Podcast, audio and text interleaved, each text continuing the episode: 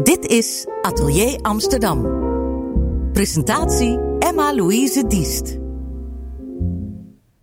Vandaag zijn we met Atelier Amsterdam op bezoek bij Thomas Beijer, pianist, componist en schrijver.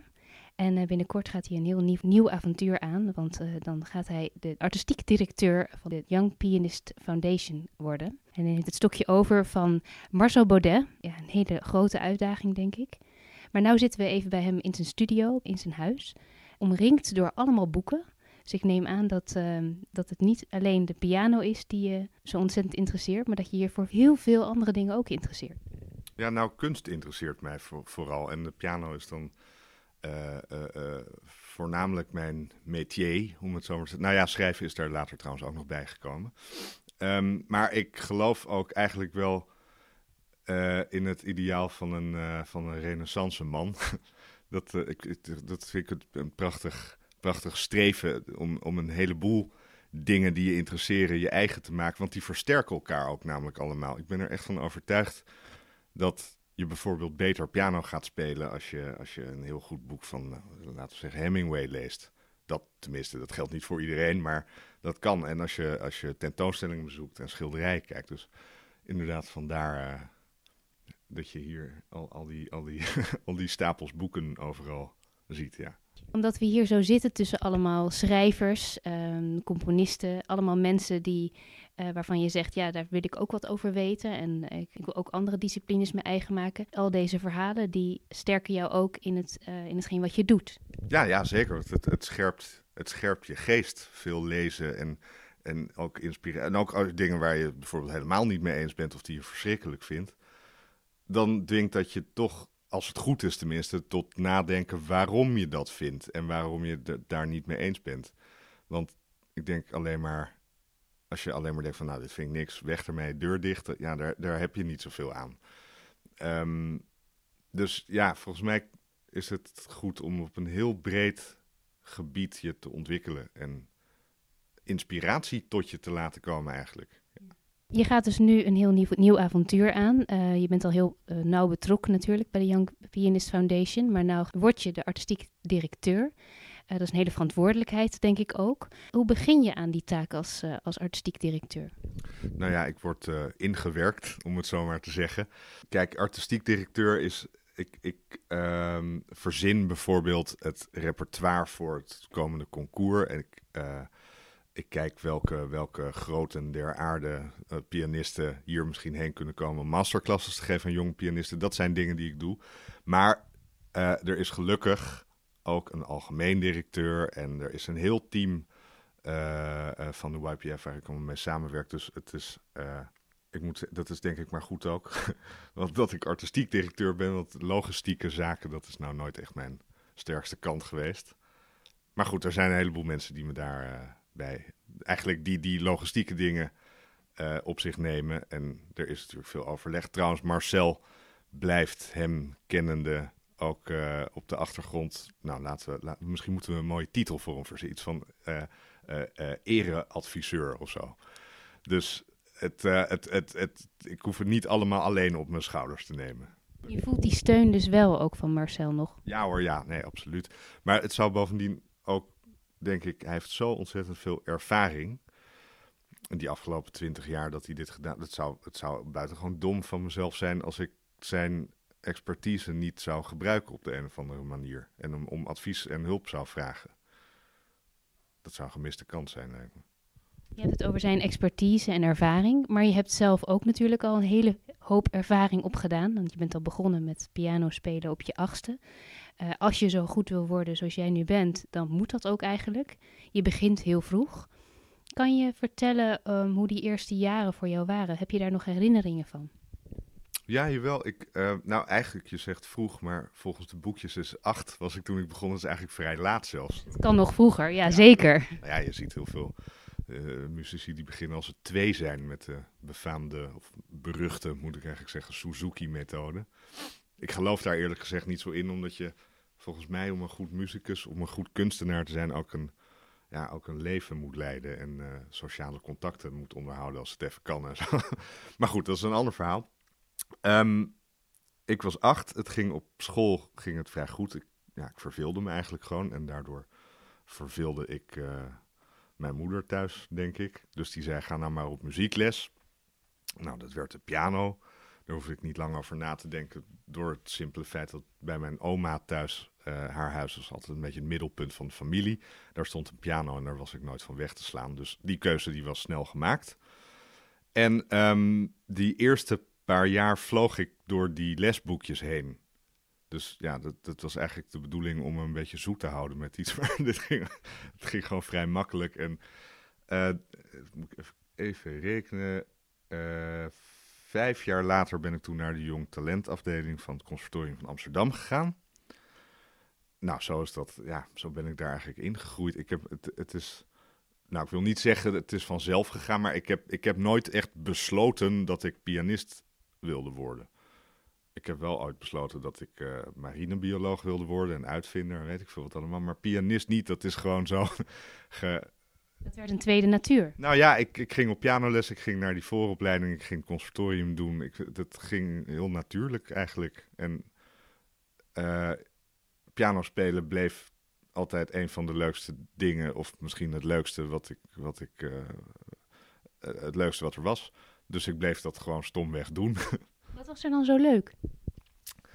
Nou, het, ik vind de piano zo'n prachtig instrument, omdat het een, een, een piano is eigenlijk het mooist als je vergeet dat het een piano is. Als het niet meer als een piano klinkt. Een piano is een illusie-instrument. Het kan klinken als een zanger en het kan klinken als een strijkkwartet en als een orkest en als, als, een, als, een, als een fagot.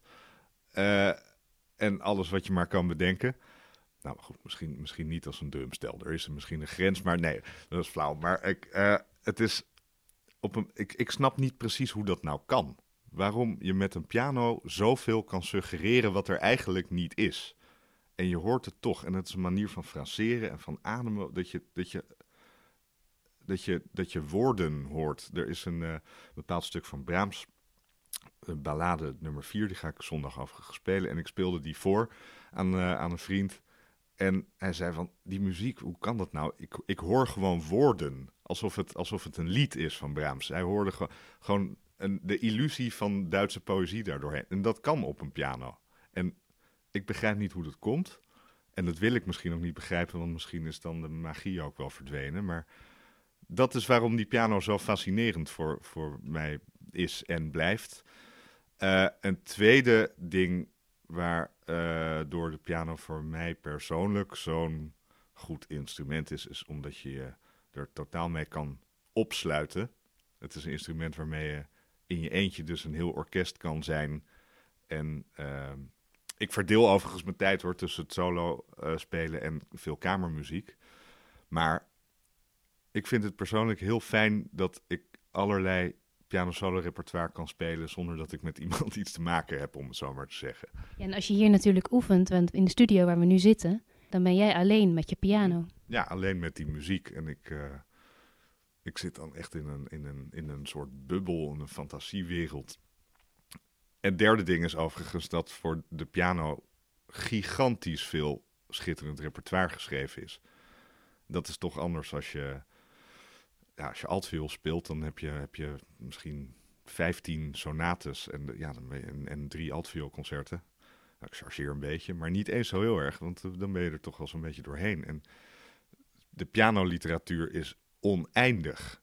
Dus ik, uh, ik verveel me niet gauw. Het is eigenlijk een manier om vanuit die pianowereld, dan open jij allerlei andere werelden weer voor jezelf.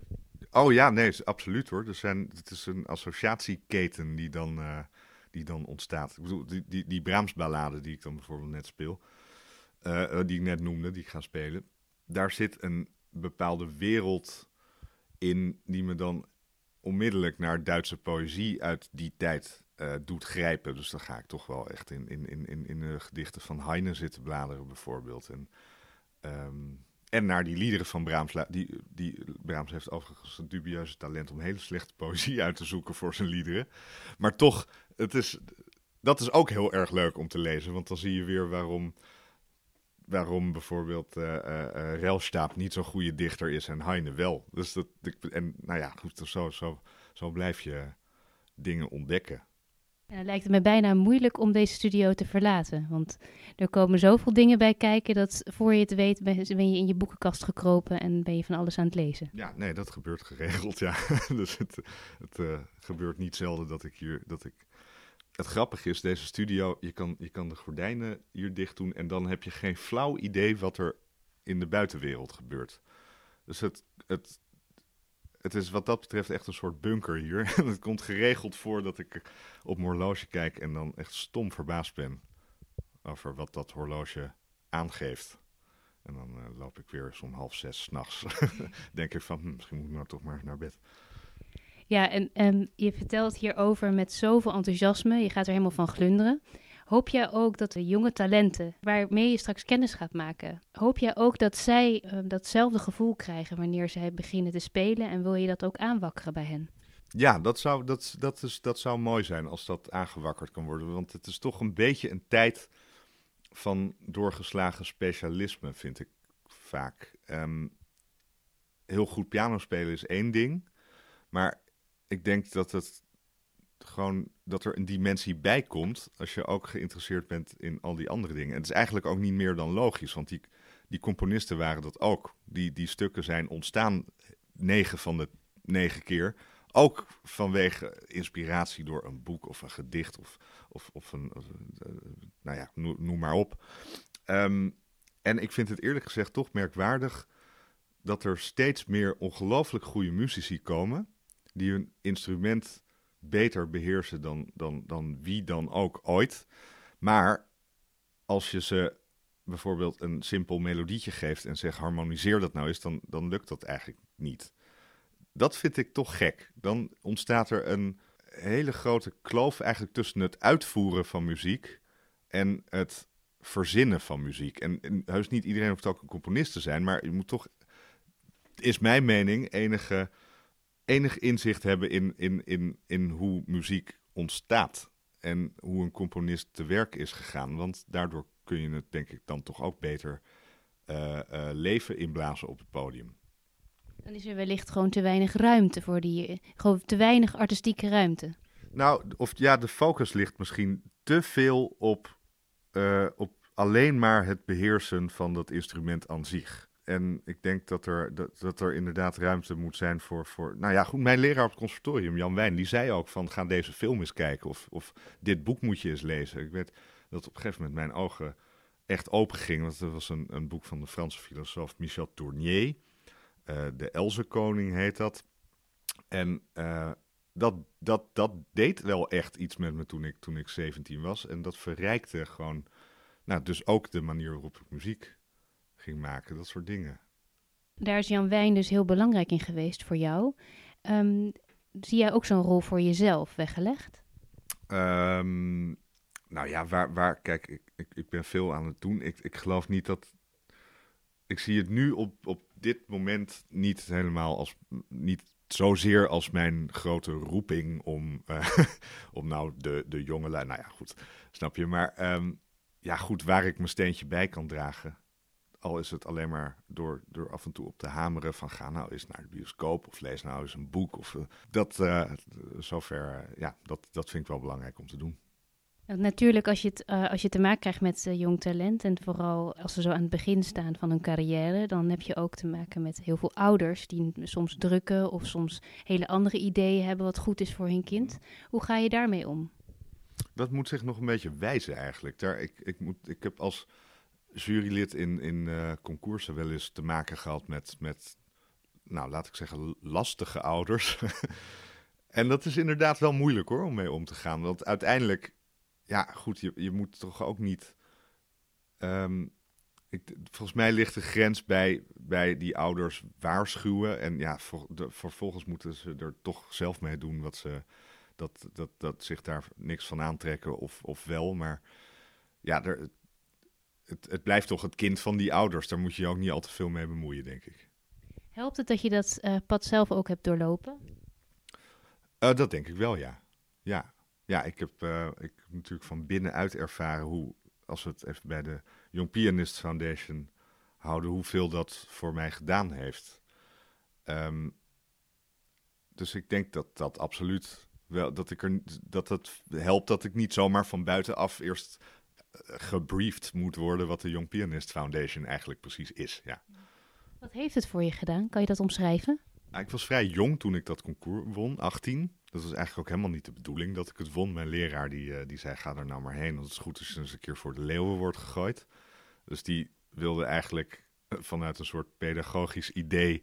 dat ik uh, erachter zou komen van, hm, dat is toch eigenlijk niet... Alleen toen won ik het. Dat was niet helemaal volgens plan.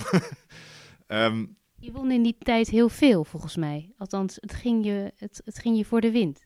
Ik deed een paar concoursen toen ik 17, 18 was. En dat uh, eindigde allemaal inderdaad vrij positief. En dat, uh, wat, wat dat me vooral heeft opgeleverd, is veel concerten. En podiumervaring is, en dat merk ik nu nog steeds, als ik een nieuw programma heb en ik, uh, en ik speel dat een aantal keer. Het wordt het klinkt heel simpel, maar het wordt gewoon elke keer dat je het speelt, ja, wordt het gewoon wat beter. Dat is natuurlijk logisch. Maar daarom is podiumervaring is echt datgene voor jonge pianisten en trouwens dus ook voor oude pianisten. Uh, uh, dat, daar, daar moet een nadruk op liggen. En een, een organisatie als de Young Pianist Foundation kan daarin veel betekenen, denk ik, om podia te regelen voor die jonge pianisten. Kan je je herinneren hoe het voor jou was als jonge pianist voor het eerst op het podium? Um, je bedoel, bedoel je nou, want toen ik dat YPF deed, toen had ik natuurlijk al best wel veel concerten gegeven. Bedoel je vanaf het YPF of echt helemaal het begin? Nou, ik ben, ik ben benieuwd hoe het echte begin is. Je kunt je dat wel indenken, maar ik neem aan dat als je eenmaal op zo'n podium staat, dan zijn er allemaal krachten in werking. Dat kun je je niet voorstellen. Hoe was dat voor jou? Voor zover ik me kan herinneren, was mijn eerste optreden ooit. Toen was ik eigenlijk zo naïef dat ik alleen maar. Toen was ik dus, nou ja, laten we zeggen, negen. Um, ik dacht, ik speel piano. Ik ga dus nu piano spelen en dan gaan mensen naar luisteren. En dat is leuk. Punt. en eigenlijk, volgens mij ben ik nu, uh, nu al uh, ruim twintig jaar bezig om die, die instelling weer terug te halen. um, ja, goed, nee, ja, er komt van alles. Van alles. Het, het is ook een beetje een raar beroep natuurlijk, dat je, dat je in je eentje zo'n podium beklimt en dan anderhalf uur daar muziek gaat spelen. Maar het, ik moet zeggen, wat ik heel erg leuk vind daaraan, is dat je merkt dat er een chemie met het publiek ontstaat. En wat dat precies is, dat is ook bijna iets spiritueels eigenlijk. En heel verslavend, denk ik. Ja, ja, absoluut. Maar dan, je krijgt dan ook het gevoel dat je iets samen aan het doen bent. En wat het nou precies is, want je, je voelt onmiddellijk of, je, of er een klik is met het publiek, of ze, of ze volgen wat je, wat, je, wat je doet. En dan, en dan krijg je een chemie en een wisselwerking ook.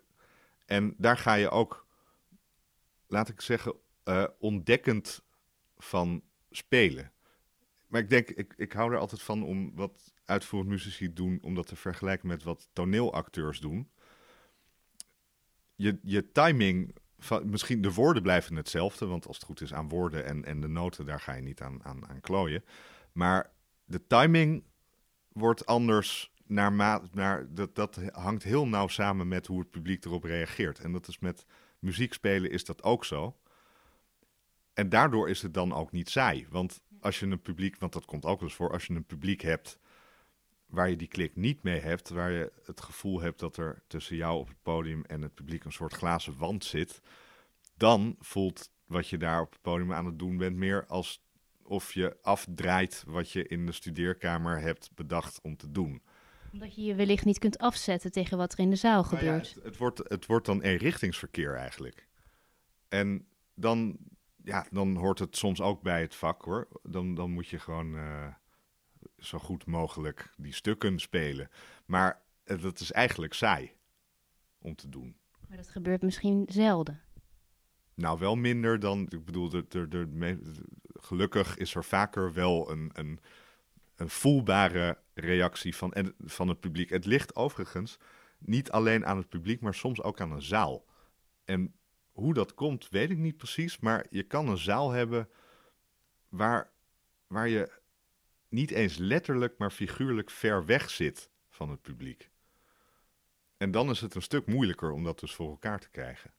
En bij de Young Pianist Foundation kreeg je dus die mogelijkheid om, uh, om te spelen voor een, ja, een heel groot publiek ook. Wat hebben ze je nog meer kunnen geven of als steun kunnen bieden waardoor je echt vooruit bent gegaan? Nou, een, een groot netwerk heeft Marcel Baudet natuurlijk uh, opgebouwd in die decennia dat hij in de pianowereld uh, actief is.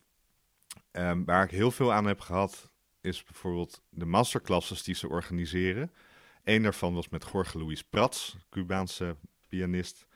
En uh, ik speelde voor hem. Hij maakte overigens gehakt van me in die, in die, in die, in die les. Maar dat was, ik was toen, denk 24 misschien. En een beetje een soort, nou, ik wil niet zeggen existentiële crisis. Maar ik wist even niet meer helemaal hoe ik verder moest met piano spelen. En, en Jorge Luis, die, die geeft, om het zo te zeggen, les met bokshandschoenen aan. En dat was op dat moment eigenlijk precies wat ik nodig had. En dat, heeft later, dat is geresulteerd in een hele warme vriendschap ook. En uh, we gaan, uh, als hij in de buurt is, dan gaan we een avond sigaren roken en over het leven en over de muziek praten. Nee, dat heeft me absoluut, uh, absoluut heel veel gebracht op artistiek vlak, die vriendschap met Jorge Louis. Dus je had die bokshandschoenen echt, of die, dat boksen had je even nodig? Nou, ik, ja, uh, dat komt omdat ik, ik, ik werd eigenlijk, om het simpel te zeggen, bang om iets verkeerd te doen. Dat wil zeggen, ik speelde Beethoven-sonaten en ik dacht, dit is al zo vaak gespeeld en ik kan nu niet hier, als ik één foute noot speel, dan schiet iedereen in het publiek me het liefst meteen dood. En, en ik kan, ik, laat ik zo mijn bewegingsruimte was voor mijn eigen gevoel zo ontzettend klein geworden.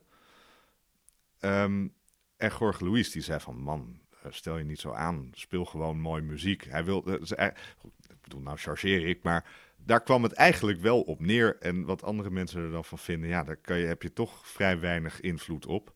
Dus hij hielp me eigenlijk om die instelling die ik had toen ik negen was. Ik hou van piano spelen, dus ik ga nu piano spelen en daar kunnen jullie naar luisteren, als jullie dat willen. Om die instelling weer terug te krijgen. Maar daar was even een gevecht voor nodig. Want je kunt het misschien wel horen van iemand, zoals je nu dat heel simpel even verwoordt van nou, uh, heb toch plezier in het spelen. Maar als je dat niet meer voelt, dan moet je soms misschien eventjes worden gepusht. Of je moet even, um, iemand moet je even aanzetten weer. Dus dat, dat was op dat moment, was hij de aangewezen persoon voor jou? Ja, absoluut. Ja. Ja, dat ging inderdaad ook niet zonder slag of stoot hoor. En ook niet met één opmerking dat het meteen goed was. Er ging inderdaad wel, nou laten we zeggen, anderhalf jaar of zoiets overheen. En een paar, een aantal keren dat ik, uh, dat ik hem zag. En ook dus pianoles had, waar in sommige lessen de hele piano niet werd aangeraakt. Maar dat hij zei, hier, hier heb je een sigaar, een vervent Cubaanse sigarenroker. Dat heb, heb ik ook van hem uh, overgenomen overigens. um, dat, dat, dat de les eruit bestond dat we sigaren rokend over, over, over de Amsterdamse grachten liepen.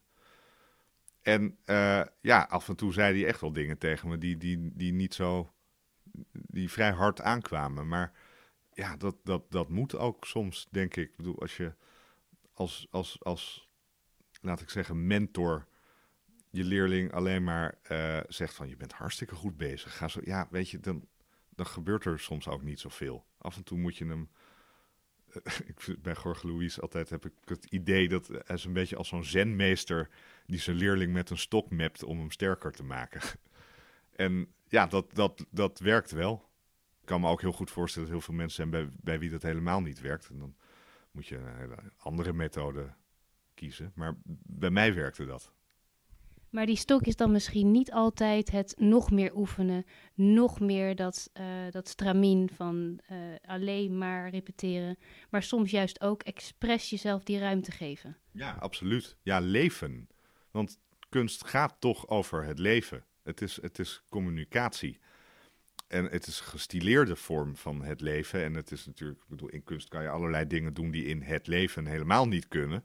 En dat maakt het dus ook zo geweldig. Maar als je alleen maar bezig bent met, nou laat ik zeggen, fouten turven tijdens het studeren en uh, uh, bezig bent met, met een pianostuk wat je speelt zo polijsten dat, dat, dat het misschien inderdaad dat er niks op aan te merken valt, behalve dat het niet meer communiceert met de luisteraar, dan ben je verkeerd bezig. Dan leeft het gewoon niet meer. En denk je dat je dat leven kwijt kunt in de Young Pianist Foundation? Ehm, nou, ik, ik hoop dat ik als artistiek directeur. het, het klinkt altijd zo imponerend, vind ik die titel. Ik heb nooit gedacht dat ik ooit nog eens een directeur zou worden. Ik ga denk ik ook altijd als ik me voorstel aan iedereen dat erbij zeggen. Ja. Ehm, nee, ik hoop, ik hoop dat ik deze boodschap. Studeer vooral heel veel piano, maar kijk ook om je heen. Want dat helpt voor het pianospelen. Dus eigenlijk gaat het dan toch om het pianospelen, maar via, via een, een omweg die heel avontuurlijk is. Nou, ik ga je heel veel plezier wensen met dat avontuur. Als artistiek directeur van de Young Pianist Foundation. Dankjewel voor dit gesprek. Dankjewel. Dankjewel.